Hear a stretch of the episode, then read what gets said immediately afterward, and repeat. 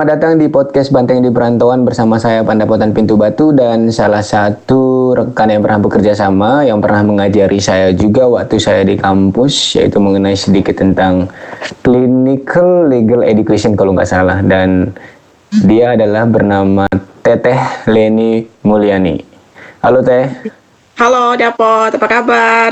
Baik Teh, kumaha damang di Bandung Teh? Apa? Kumaha damang di Bandung? Bandung Bandung aman lah. Tapi nggak tahu sih masih masih belum berani sering keluar rumah juga. Oh jadi teteh selalu di rumah kalau ini? Selama iya karena karena kan uh, kampus praktis uh, semuanya hampir semuanya work from home ya. Jadi uh, untuk hanya mungkin hanya seminggu dua kali ke kampus hanya untuk ngecek-ngecek hmm. sisanya ya di rumah. Oke oke. Tapi sebelum kita ngobrol lebih jauh lagi nih teh ayo dong kenalin dulu dulu teh. Mm-hmm. Oke, okay, um, halo semuanya, sahabat-sahabatnya uh, Dapot. Nama saya Leni Widi Mulyani. Uh, teman-teman panggil saya uh, Ibu Leni atau kadang-kadang dipanggilnya Mama Dedeh KW gitu ya karena kayak kata Mama Dedeh katanya. Iya iya. saya sehari-hari bekerja di Fakultas Hukum Unpas, kemudian hmm. saya mengurus salah satu unit uh, kelembagaan di Fakultas Hukum yang bernama Clinical Legal Education atau CLE atau kalau diterjemahkan dalam bahasa Indonesia adalah pendidikan hmm. hukum klinis. Nah, CLE ini okay, Uh, bertugas untuk memberikan bantuan hukum kepada masyarakat miskin dan marginal, tapi melalui uh, pendidikan hukum yang interaktif dan partisipatoris secara gratis gitu. Oke okay, oke, okay. boleh nggak teh ceritain dulu sebenarnya legal education ini awalnya dari mana sih? Datang pertama kali gitu? Uh, ini sebetulnya sudah dari zaman um, apa ya? Udah dulu lah tuh tahun 70-an lah ya. Jadi ada ini gerakan hmm. mahasiswa yang berasal dari uh, Faculty of Law Georgetown University Amerika Serikat. Nah, uh, si CLE oh, ini okay, okay. diinisiasi oleh mahasiswa karena mahasiswa berpikir bahwa hmm. selama ini mereka belajar hukum, cuman kok tidak diberi kesempatan ya untuk memberikan bantuan hukum secara gratis kepada masyarakat. Sementara di sisi lain, masyarakat membutuhkan bantuan hukum hmm. dan susah untuk mendapatkan bantuan itu. Kemudian melihat bahwa uh, kok ada pemisah ya antara masyarakat dengan universitas. Jadi mereka ingin um, justru CLI ini dia sebagai jembatan masyarakat supaya tidak menganggap universitas itu adalah sesuatu yang sangat uh, susah untuk digapai. Nah, gitu ya. Nah, hmm, nah, okay, kemudian okay. dari dari situ jadi ini gejolak kaula muda yang benar gitu ya. Nah, nah hmm. dari situ berkembang, berkembang dari uh, di wilayah Amerika ke Eropa, kemudian uh, ke Asia. Nah, sementara untuk di uh, Indonesia sendiri, kalau uh, di tempat yang lain memang sudah ada, namun kalau untuk uh, kami sendiri, kami mengembangkannya itu dari mulai tahun 2007. Hmm, oke oke. Okay. Iya, tahun 2007 uh, masuk ke kampus, kemudian kami mengembangkan CLI ini sebagai ekstrakurikuler. Lalu tahun hmm. 2015 itu menjadi mata kuliah wajib. Jadi memang mahasiswa itu memang membutuhkan uh, wadah untuk uh, apa ya, mentransformasikan ilmunya gitu ya dan langsung berhadapan dengan masyarakat gitu. Hmm, oke okay, oke. Okay. Mewadahi kebutuhan-kebutuhan itu.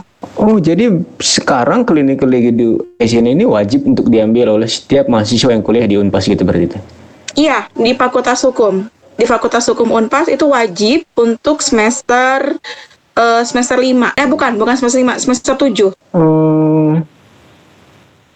Oke, oke, oke. Untuk USKS. Jadi uh, sistemnya itu um, sistemnya itu mereka uh, dikasih dulu materi tentang apa itu legal aid, apa itu sejarah bantuan hukum, terus kemudian hmm. pasti kelompok-kelompok miskin dan marginal itu kebutuhan hukumnya seperti apa. Nah lalu setelah itu diberikan materi tentang pendidikan hukum secara interaktif dan partisipator itu seperti apa, pengembangan okay, uh, okay. pembelajaran itu seperti apa. Nah setelah UTS dilepas di lapangan, jadi mereka yang harus mencari komunitas-komunitas itu dan mereka harus mengadakan sesi pembelajaran hukum minimal tiga sesi kepada masyarakat itu.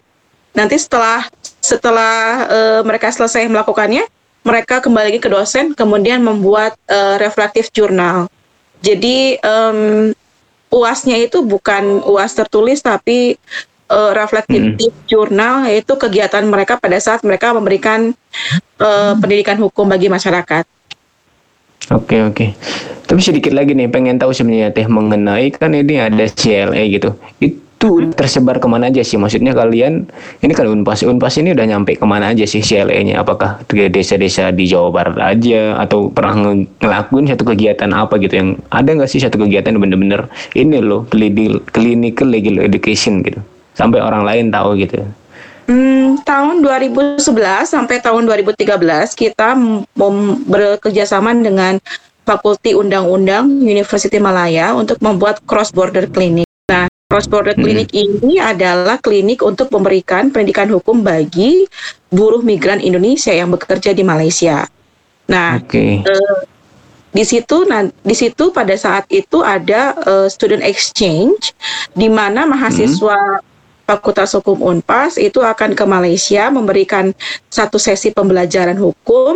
Begitupun sebaliknya mahasiswa uh, Malaysia saya bawa ke kantong-kantong pengirim tenaga kerja untuk memberikan satu pembelajaran hukum. Nah, adapun topik-topik yang diberikan adalah misalnya um, kebebasan berkontrak misalnya atau hmm. uh, do's and don'ts ketika bekerja di Malaysia, kemudian tentang kuhapnya hmm. Malaysia, uh, hak-hak pekerja dan lain sebagainya karena mereka tidak mendapatkan informasi itu selama mereka pelatihan.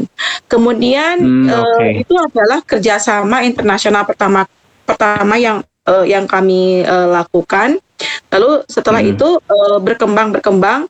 Nah untuk uh, nasional sendiri kami di sini dipercaya sebagai uh, sekretaris jenderal dari uh, Asosiasi Pendidikan Hukum Klinis Indonesia. Ada sekitar 17 uh, universitas negeri dan swasta yang termasuk di dalamnya berdasarkan akta notaris. Hmm. Nah, kemudian juga dari wilayah uh, ASEAN juga termasuk ke dalam anggota SIKLI. SIKLI itu Southeast Asian uh, Clinical Legal Education.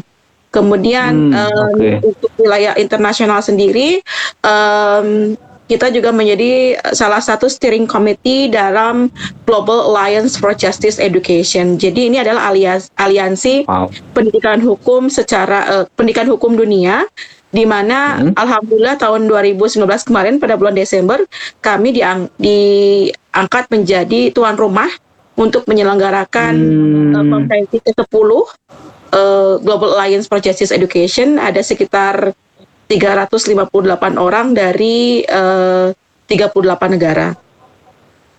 Oke okay, oke, okay. wow, ngeri juga ya. Sekarang yang maksudnya yang teteh pegang sekarang ini oh udah mendunia ya gitu ternyata dan kayak ah keren sih teh nggak bisa bilang apa-apa tapi ya ngebangunnya juga pasti ada suka dukanya lah gitu. Oh, oh iya, di sisi banyak. Hmm, gimana?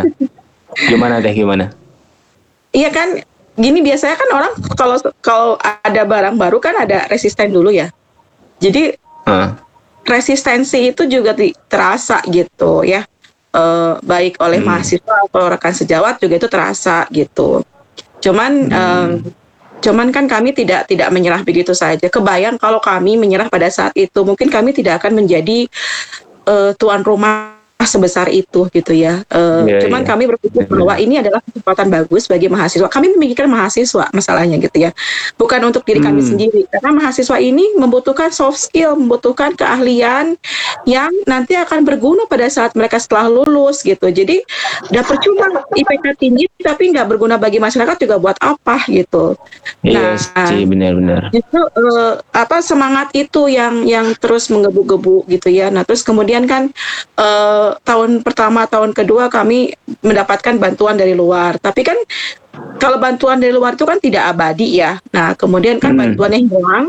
Tapi jangan sampai program ini hilang juga gitu. Nah, kami terus terus uh, terus aja maju dengan dengan dana yang uh, seadanya dan bahkan uh, ketika ketika kita ke lapangan pun ya swadaya gitu karena memang kita semangatnya semangat pro hmm. bono hmm. gitu semangat untuk membantu orang yang bukan profit oriented jadi ya eh, nggak apa-apa nah jadi ketika kita okay, ikhlas okay. dalam melakukan sesuatu dan kemudian kita persisten kita tetap tetap di di bidang itu ya insya Allah hasilnya juga akan didapatkan eh, apa besok atau lusa gitu. Memang nggak instan sih ya, tapi kan em, Hmm. apa, pros, hasil proses itu kan tidak akan membohongi hasil. Oke oke oke.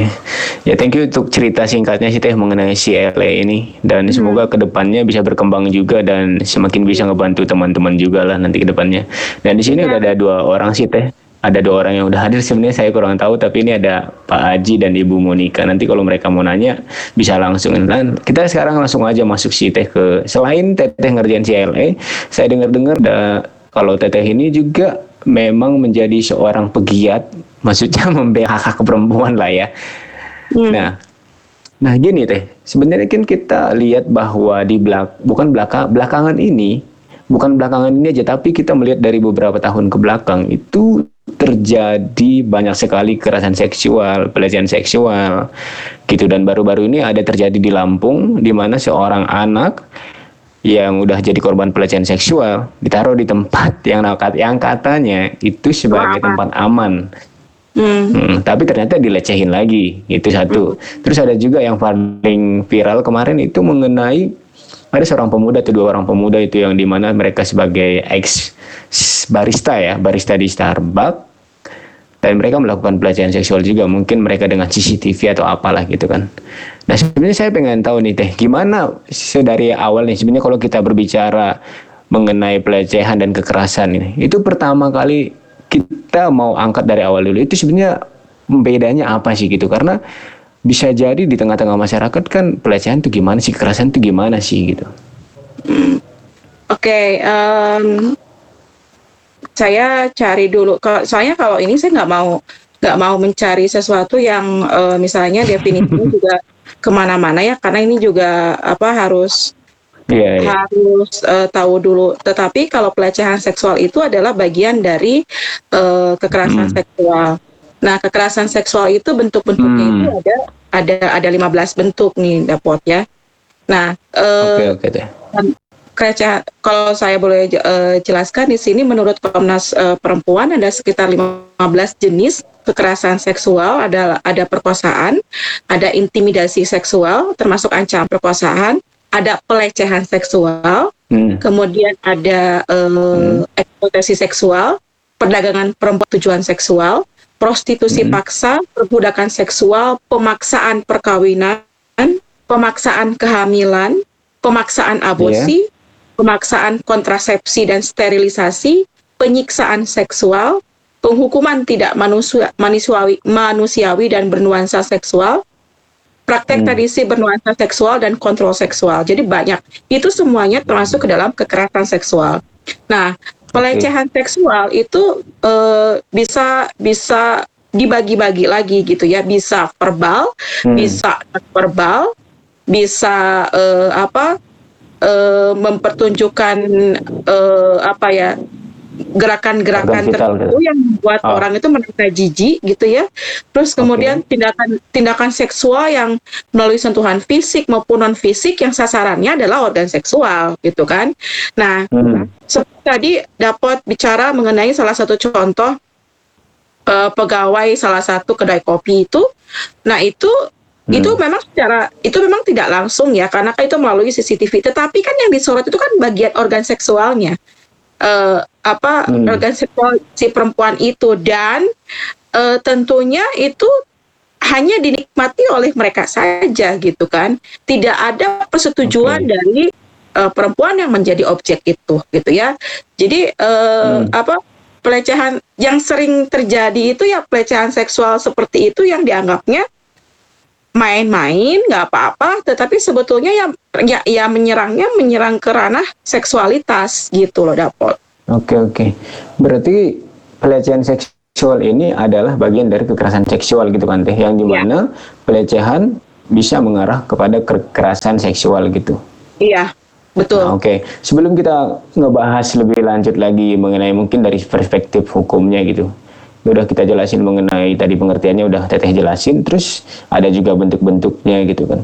Tapi yang jadi hal yang sangat perlu kita mention juga teh itu mengenai bahwa di mana pelecehan seksual dan kekerasan seksual ini terjadi di mana-mana di keluarga, iya, di tempat kerja terjadi, di ling- lingkungan sekolah juga terjadi. Ya di mana-mana pun tuh udah hampir terjadi sekarang. Selain itu, kita lihat juga bahwa pelecehan seksual dan kekerasan seksual ini, maksud saya ini korban dan pelakunya udah nggak bisa ditentuin lagi dalam arti anak bisa jadi pelaku, bisa jadi korban juga. Dan mm -hmm terakhir kali, bukan terakhir kali, tapi ada satu hal yang menarik juga teh, yang di mana jadi korban pelecehan itu adalah lelaki gitu kan, yang kita lihat dulu kasusnya udah viral banget yang Ferdinand Sinaga gitu kan. Nah yeah. tapi yang saya mau tanyakan sebenarnya kenapa kok bisa terjadi gitu?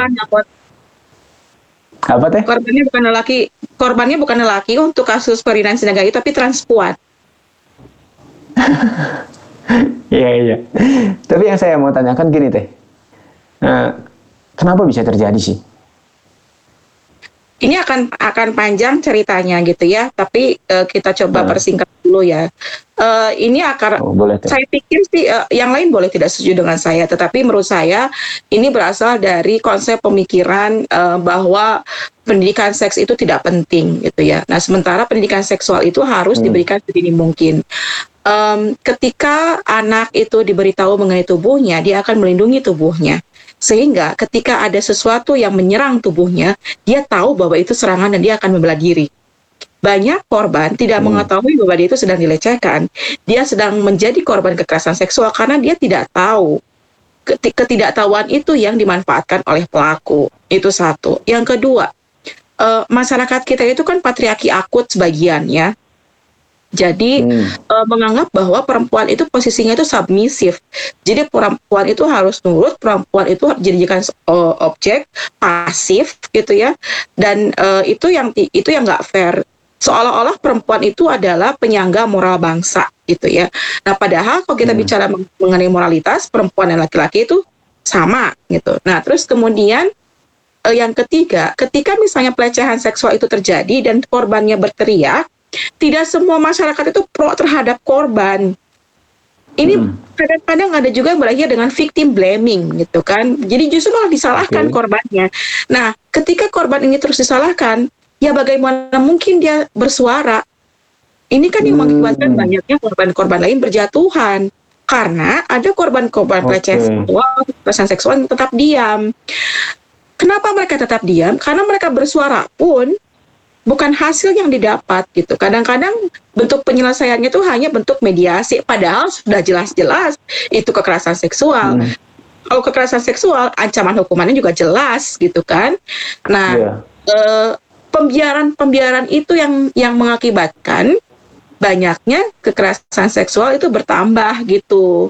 Eh, jadi hmm. eh, yang menurut saya sih nggak apa-apa kalau perempuan dibilang judes ya judes galak gitu ya yeah, untuk yeah. melindungi badannya nggak apa-apa gitu daripada mm-hmm. uh, apa daripada apa ya menjadi objek gitu ya uh, objek dari siulan-siulan laki-laki atau lawan jenis ataupun sebaliknya banyak juga perempuan yang menjadikan laki-laki sebagai uh, korban uh, apa pelecehan seksual tetapi itu kasusnya minim minim sekali gitu dan um, kayaknya masyarakat lagi-lagi berpikir ya nggak mungkin dong perempuan melecehkan laki-laki ya mungkin saja gitu. Dan sekarang yeah. ini perkembangannya dapat tidak hanya hmm. lawan jenis, tapi juga sesama jenis, gitu. Laki-laki bisa melecehkan laki-laki yang lainnya, perempuan yeah, yeah. bisa melecehkan perempuan yang lainnya, gitu. Hmm, iya iya. Ya maksudnya selain faktor yang tadi kita jelasin, sebenarnya ada nggak sih faktor karena kan mungkin karena ada budaya kita yang ya karena budayanya memang kuat di seperti barat gitu kan teh barat tuh kan memang lebih ke ini ya maksudnya mereka kan untuk bukan melecehkan sih tapi mereka memang oh, budayanya pasti beda lah sama kita gitu. Di mana mereka kalau bertemu pun mungkin seperti berpelukan ciuman gitu itu karena hal-hal lain apa lagi gitu? Ada lagi nggak sih sebenarnya selain teteh jelasin tadi? Kalau kalau gini kalau orang barat juga kalau misalnya dia nggak mau dicium sama dipeluk juga dan ada dipaksa itu pelecehan.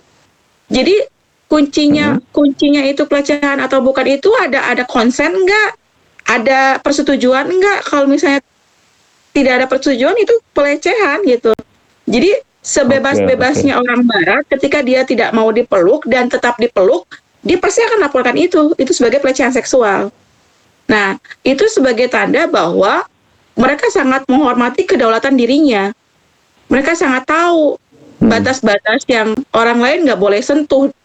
Nah, kita harus kita juga harus berpikiran seperti itu. Kita harus mempunyai boundaries tersendiri bahwa misalnya saya pribadi nih, saya nggak suka dibilang seksi. Ada ada waktu itu beberapa teman saya bilang seksi.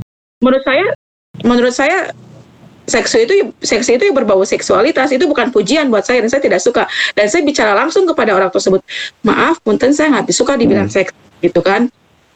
Nah terus eh, reaksi yang didapat apa? Oh sok kecantikan sok apa. Itu kan pasti begitu reaksi yang dapat sok sok banget sih lo dibilang itu kok gak mau ya ya nggak apa-apa tapi itu kan saya tidak mau saya eh, ketika anda tidak suka saya pun tidak suka gitu. Tetap saya tetap kekeh gitu ya. Nah tapi dari situ Iya, dia iya. stop stop bilang saya seksi gitu. Nah eh, jadi ketika misalnya teman-teman mendapatkan perlakuan dan teman-teman gak nyaman bereaksi langsung jangan ada pembiaran. Bisa jadi kasus ini lebih banyak terjadi Hmm. karena dianggap normal dianggap ah biasa aja gitu ya di- dibiarkan nah itu itu itu eh, hal yang salah gitu dan oke, mungkin oke. gini juga eh, apa kita itu tadi berpikirnya si sex education itu hanya melulu masalah persetubuhan dapat masih berpikir bahwa kalau kita Hmm. ngajarin sex education itu sama saja menyuruh orang untuk bersetubuh itu kan naif sekali gitu itu Iya. kan pikiran yang sangat dangkal eh sex education Hmm. itu kan juga disesuaikan dengan kebutuhan umurnya. Kalau misalnya iya. anak itu di bawah lima tahun kan diberitahu tentang konsep organ tubuhnya gitu kan. Kalau Hmm. misalnya si anak itu sudah SMP sudah sudah mulai menstruasi, sekarang anak 4 kelas 4 kelas 5 SD mulai menstruasi. Nah, itu kan juga bisa Hmm. di, di diberitahu tentang konsep hormon dan lain sebagainya. Ketika anak laki-laki sudah mulai mimpi basah misalnya, itu juga kan harus bisa dikasih tahu juga. Nah, terus Oke. eh, untuk usia-usia SMA kan juga sudah tahu konsep tanggung jawab gitu ya. Nah, itu kan Hmm. sesuai dengan usianya, tidak melulu masalah eh, persetubuhan gitu. Dan kenapa kita masih terlalu tabu bicara seperti itu gitu. Itu Iya, sih iya, salah iya. satu faktornya di antara faktor-faktor yang lainnya.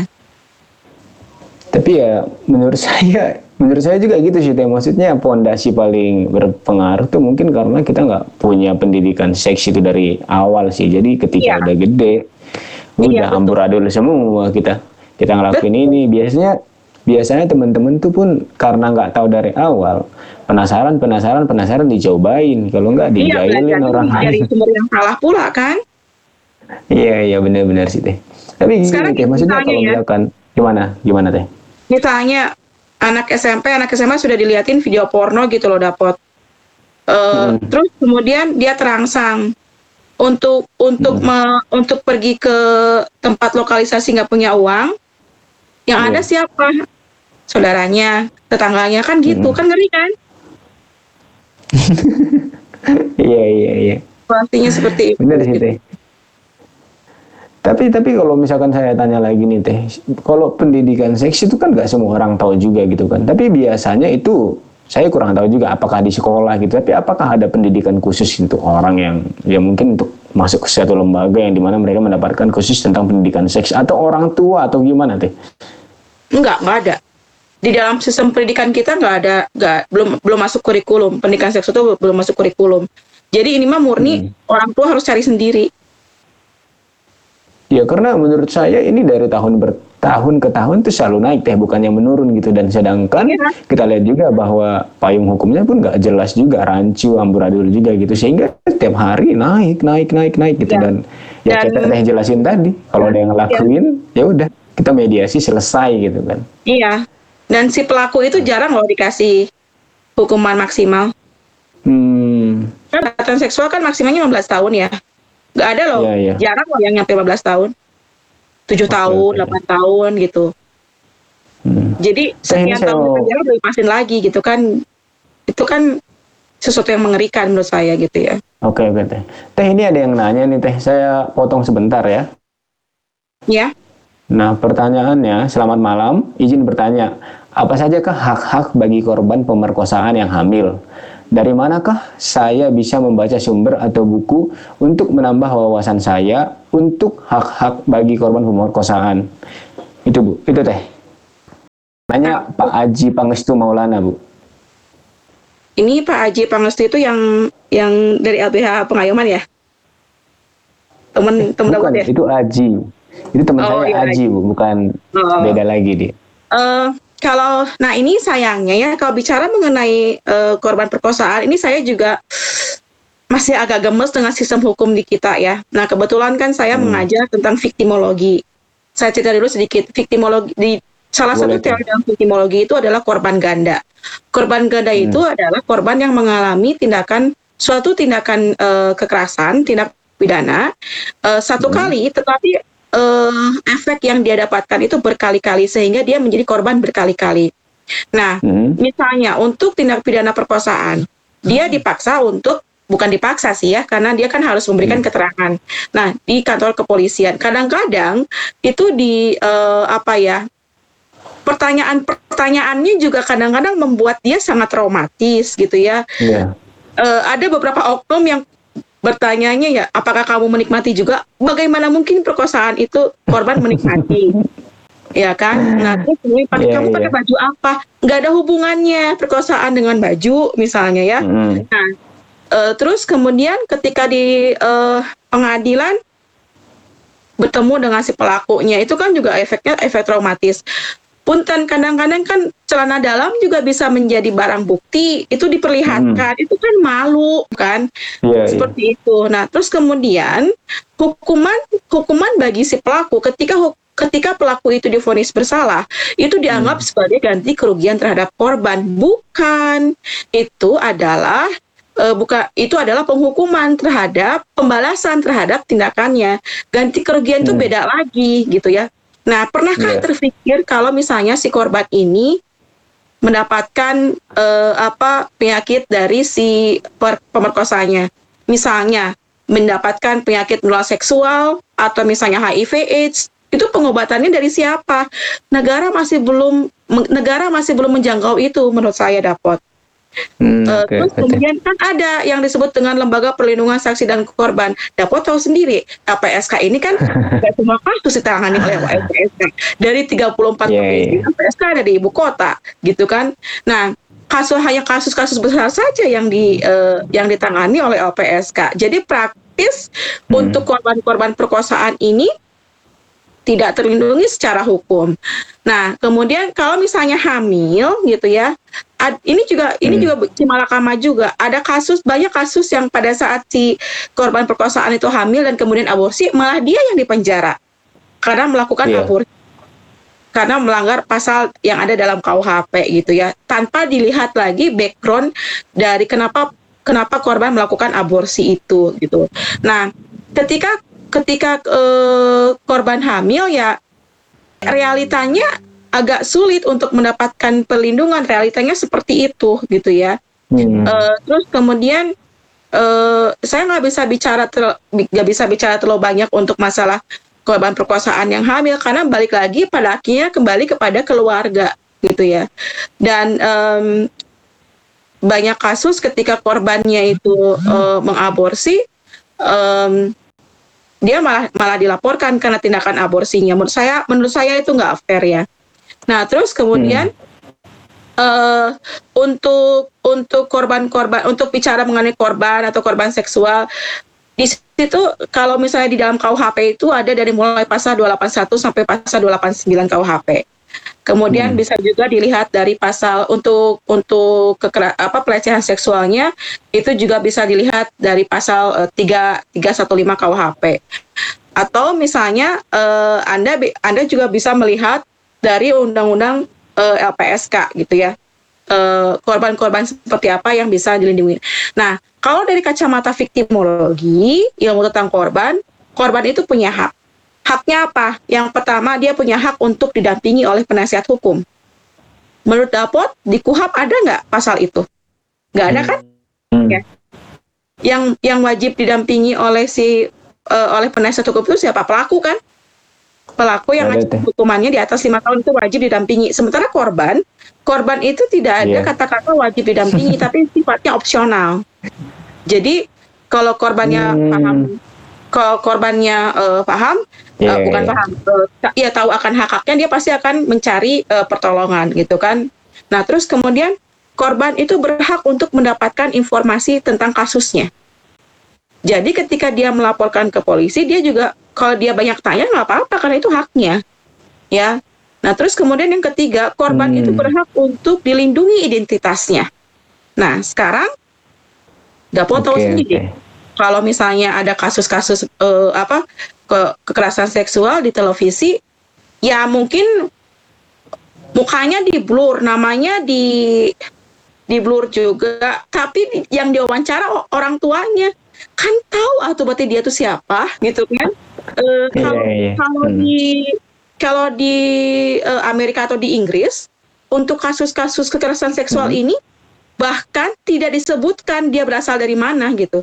Jadi betul-betul dilindungi yeah, si iya, korban. Yeah. Yang harus kita ini harus kita pelajari betul. Kemudian uh, korban itu berhak untuk mendapatkan rumah aman atau rasa aman gitu ya. Dan ini PR kita bersama. Yeah. Kejadian di Lampung malah hmm. seperti itu kan. Kemudian korban yeah. berhak untuk mendapatkan uh, restitusi, kompensasi dan rehabilitasi. Itu ada dalam uh, apa uh, undang-undang di LPSK itu ada. Tapi saya masih belum mungkin ada kali ya uh, bentuk-bentuknya. Cuman saya masih belum paham uh, apa mekanismenya seperti apa. Karena yang saya ini uh, yang saya lihat itu pendekatannya malah pendekatan-pendekatan civil society loh dapat. Jadi kayak teman-teman di Samahita, yeah, yeah. teman-teman di rumah Ruth gitu. Justru mereka teman-teman di LBH hmm. Bandung gitu mereka yang terlihat nyata gitu melakukan uh, apa melakukan upaya-upaya hukum untuk melindungi para korban ini gitu. Mudah-mudahan bisa terjawab ya pertanyaannya. Sama satu lagi tadi teh, kalau misalkan Pak Haji ini mau menambah wawasan tentang hak-hak korban pemerkosaan, itu dari mana dia bisa dapetin gitu sumbernya? Uh, anda, anda bisa bisa masuk ke uh, websitenya Komnas Perempuan Kemudian uh, bisa ke sebentar ya saya cek dulu. Bisa ke ini apa um, ada namanya di oh itu. Pemberdayaan perempuan bukan teh?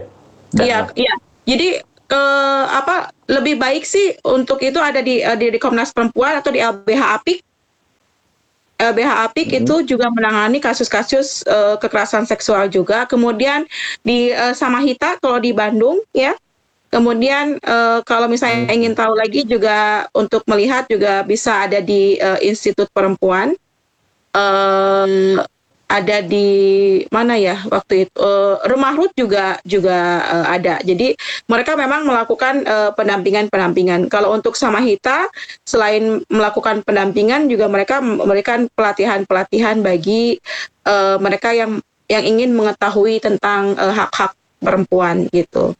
Untuk uh, mencari rumah amannya gitu ya untuk korban-korban uh, trafficking yang korban-korban trafficking yang modus hmm. operandinya itu adalah eksploitasi seksual itu ada di P2 TP2A baik itu untuk uh, wilayah provinsi atau wilayah uh, kota Bandung. Kalau untuk yang wilayah provinsi itu ada di Jalan Masuk Kencana yang dekat mau ke BC. Kalau untuk wilayah Bandung, kota Bandung itu ada di Jalan uh, Antapani gitu. Karena saya saya pernah datang di um, P2 TP2A yang wilayah provinsi uh, itu hmm. sih lebih kepada kejadiannya ada dalam keluarga. Nah, di situ nanti ada ada proses terapi. Jadi terapi healingnya itu tidak hanya kepada korbannya, tapi juga kepada keluarganya juga gitu. Oke oke teh. Nah semoga bisa menjawab untuk pertanyaannya Pak Aji. Dan ini kita lanjut lagi nih teh mengenai bahwa tadi Teteh udah jelasin banyak banget mengenai dari awal banget pengertiannya gimana, terus kenapa bisa terjadi gitu kan.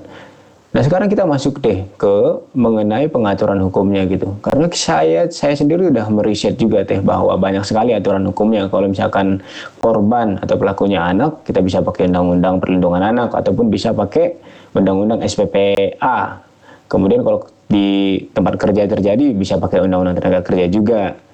Itu kan semuanya gitu. Jadi sebenarnya pengaturannya udah banyak nih teh pengaturan pengaturannya udah ada di mana-mana gitu dan di KUHP juga ada dan menurut saya sebenarnya ini kan jadi hal yang ini loh udah diatur loh gitu kan tapi kenapa sampai hari ini ya masih terjadi aja gitu. Dan sampai hari ini semakin meningkat bahkan kalau dari data Komnas HAM perempuan itu saya lihat itu hampir naik kalau saya baca tadi itu ada 800% bahkan katanya. Ya, um, kalau tadi, kalau misalnya undang-undang undang-undang perlindungan anak, undang-undang 35 tahun 2014 itu anak sebagai saksi dan korban, anak yang berhadapan dengan hmm. hukum. Tapi kalau untuk undang-undang uh, 11 2012 itu SPPA itu adalah ketika anak sebagai pelaku. Jadi anak yang melakukan uh, tindak pidana. Nah, kemudian kalau untuk uh, di KUHP gitu ya, KUHP itu uh, bentar ya saya baca baca catatan sedikit soalnya saya bicaranya takut boleh, salah. Boleh. Nah di um, jadi uh, apa pengaturan di dalam KUHP itu makna dari kekerasan seksual itu sangat terbatas gitu ya. Jadi hmm. Uh, pengaturannya itu yang tersedia itu belum belum sepenuhnya menjamin perlindungan terhadap hak korban. Seperti misalnya adanya rumusan pasal yang menetapkan salah satu unsurnya unsurnya adalah ancaman, sehingga korban yang berada dalam relasi kuasa yang tidak setara dengan pelaku atau berada dalam kondisi tidak dapat memberikan persetujuan, ya, persetujuan yang sesungguhnya hmm. itu tidak dapat kenakan pasal dalam KUHP.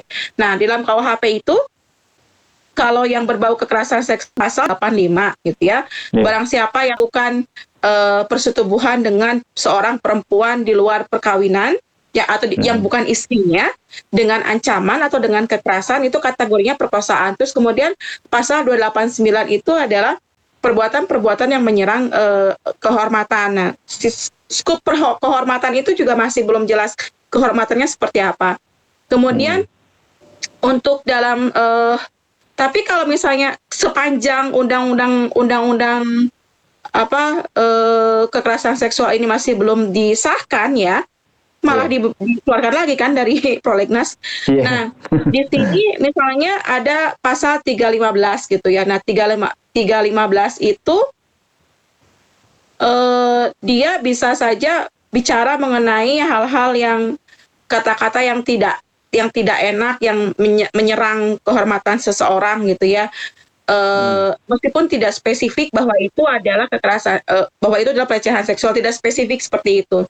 Nah, terus kemudian juga eh, kata-kata uh, yang uh, keluar misalnya pasal 2 281 juga itu salah satunya bisa dipakai pasal 281 undang-undang uh, di KUHP. Mm-hmm.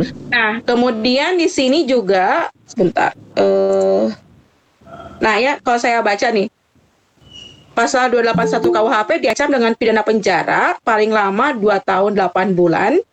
Barang siapa dengan sengaja terbuka dan terbuka melanggar kesusilaan, kemudian barang siapa dengan sengaja dan di depan orang lain yang ada di situ bertentangan dengan kehendaknya. Jadi pelecehan seksual itu sesuatu yang bertentangan dengan kehendaknya. Dalam pasal 281 hmm. itu tidak disebutkan bentuk-bentuknya seperti apa, tapi sepanjang itu melanggar kesusilaan dan bertentangan dengan kehendaknya, itu bisa dikenakan 281. Kemudian kalau 35 315 KUHP, tiap-tiap penghinaan dengan sengaja yang tidak bersifat pencemaran atau pencemaran tertulis yang dilakukan terhadap seseorang baik di muka umum dengan lisan atau tulisan maupun di muka orang itu sendiri dengan lisan atau tulisan ataupun dengan surat yang dikirim atau terima padanya itu itu penghinaan gitu ya. Nah, hmm. ketika ketika orang ngomong A dan kamu merasa terhina itu juga uh, ketika itu sudah memenuhi unsur itu bisa masuk uh, delik 315. Nah, pertanyaan Anda pun okay. tadi kenapa undang-undangnya sudah ada meskipun belum optimal ya, hmm. tapi kenapa kasusnya tetap tinggi ya itu tadi jawabannya karena pembiaran itu terjadi gitu. Karena ketika misalnya ada ada uh, bentuk-bentuk pelecehan seksual yang sedini mungkin pun dianggap ah gitu aja lo kok baper banget sih padahal kita harus bereaksi pada saat itu juga gitu ya uh, hmm. ibaratnya gini si pembuli itu akan akan berhenti untuk membuli kalau orang yang dibulinya itu berhenti eh bukan berhenti melawan gitu ya nah yeah. di sini kita menganggap bahwa dicolek dipeluk mah biasa tuh ya nggak biasa kalau tidak ada persetujuan dari si korban gitu okay, okay. karena karena kita men, karena kita terbiasa menormalkan situasi, jadinya hmm. lama kelamaan lebih keenakan gitu loh dapot. Terus kemudian itu Oke. tadi banyak penyelesaian penyelesaiannya yang memilih penyelesaian kekeluargaan gitu. Karena ketika dia mau lapor ke polisi ya jatuhnya ini aib gitu kan, ini nggak mau gitu, malu, nah kayak gitu. Tapi memang benar juga teh bahwa ketika misalkan kita lapor ke polisi kan pasti dibuka ke publik gitu kan. Dan otomatis pasti jadi sesuatu aib bagi mereka. Mereka nggak mau kalau sebenarnya mereka tuh pernah dilecehin gitu. Atau bahkan banyak juga misalkan perempuan-perempuan yang memilih untuk tidak memberitahukan misalkan dia punya pasangan gitu. Saya dilecehin nih gitu. Karena saya pernah menangani satu kasus dulu sama teman-teman juga di mana kita itu sebenarnya ada satu ini pemerkosaan sih teh. Jadi dia diperkosa oleh orang-orang orang lain gitu. Tapi dia memberitahukan ataupun melapor ke kita itu setelah sebulan kejadian gitu kan. Tapi di satu sisi awal-awalnya dia pun tidak menceritakan kejadian itu kepada pasangannya karena takut juga trauma lah atau takut nanti ditinggalin pasangannya kayak gitu teh. Sehingga mereka memilih untuk diam juga. Hmm. Eh, nah, atau gini ya, Pot. Kejadiannya bisa berulang. Misalnya, Hmm. eh misalnya mereka pada saat berpacaran ya, mereka itu melakukan persetubuhan misalnya. Persetubuhannya itu pertama awal-awal dilakukan suka sama suka. Oke. Nah, ketika persetubuhan kedua itu dilakukan dan si perempuan yang nggak mau, itu mulai deh. Ya udah kalau misal lu nggak mau, gua sebar nih fotonya. Gua Hmm. sebar nih eh, apa eh, videonya atau gua kasih tahu tuh teman-teman lu bahwa lu udah bukan perawan lagi. Iya. Jadi karena karena sudah terikat tuh si korbannya. Jadi Hmm. manut lagi, nurut lagi gitu kan. Nah, makanya eh, apa ketika yes people do mistake gitu ya. Tetapi Hmm. kita ya, sebagai orang awam juga kita harus memberikan kesempatan kedua bagi orang-orang seperti ini. Ke- Ketika misalnya mereka eh, sudah melakukan eh, sudah melakukan persetubuhan dan dan kemudian mereka ingin stop eh, mereka bisa bilang bahwa ini saya nggak suka, ini saya saya nggak mau. Jangan takut untuk bilang untuk bilang eh, apa? Untuk bilang tidak gitu. Memang kalau ngomong mah gampang gitu ya, susah untuk dilakukan gitu. Cuman kan ini yang harus kita yang harus kita dorong, yang harus kita dorong semuanya bahwa ketika seseorang sudah melakukan kesalahan gitu ya dan kemudian eh, dia ingin mendapatkan kesempatan kedua, ada setiap orang everybody deserve the second chance gitu ya. Iya. em, jangan seolah-olah kita jadi kita ngambil kerjaannya Tuhan gitu. Kita jadi jadi hakim gitu. Ya padahal kita belum tentu juga kita bersih-bersih amat gitu kan ya. Kayak gitu. Ini yang membuat si korban itu selalu takut untuk melaporkan gitu. Karena dianggapnya ketika lu bukan perawan lu bukan orang yang terhormat lagi itu salah karena keperawanan Hmm. itu tidak berbanding lurus dengan kehormatan menurut saya teman-teman Iya. boleh tidak setuju eh jadi jangan ada kata-kata "S- seorang perempuan A sudah kehilangan kehormatannya karena dila- karena diperkosa oleh ABC misalnya gitu ya Iya, iya. perkosaan itu bu perkosaan itu 100% salah pelaku. Tidak ada tidak ada provokasi dari korban, tidak ada partisipasi dari korban. Jadi salah rasanya ketika itu tindakan kehilangan kehormatan di mata saya, korban masih Hmm. terhormat. Karena kehormatan itu adalah nilai yang yang yang yang attach dalam diri kita gitu. Jadi, nah, kenapa jadinya banyak korban yang seperti fenomena gunung es ya itu tadi. Kita kadang-kadang ya penghakimannya luar biasa sekali kan. Uh jari-jari netizen plus 62 ini kan uh luar biasa gitu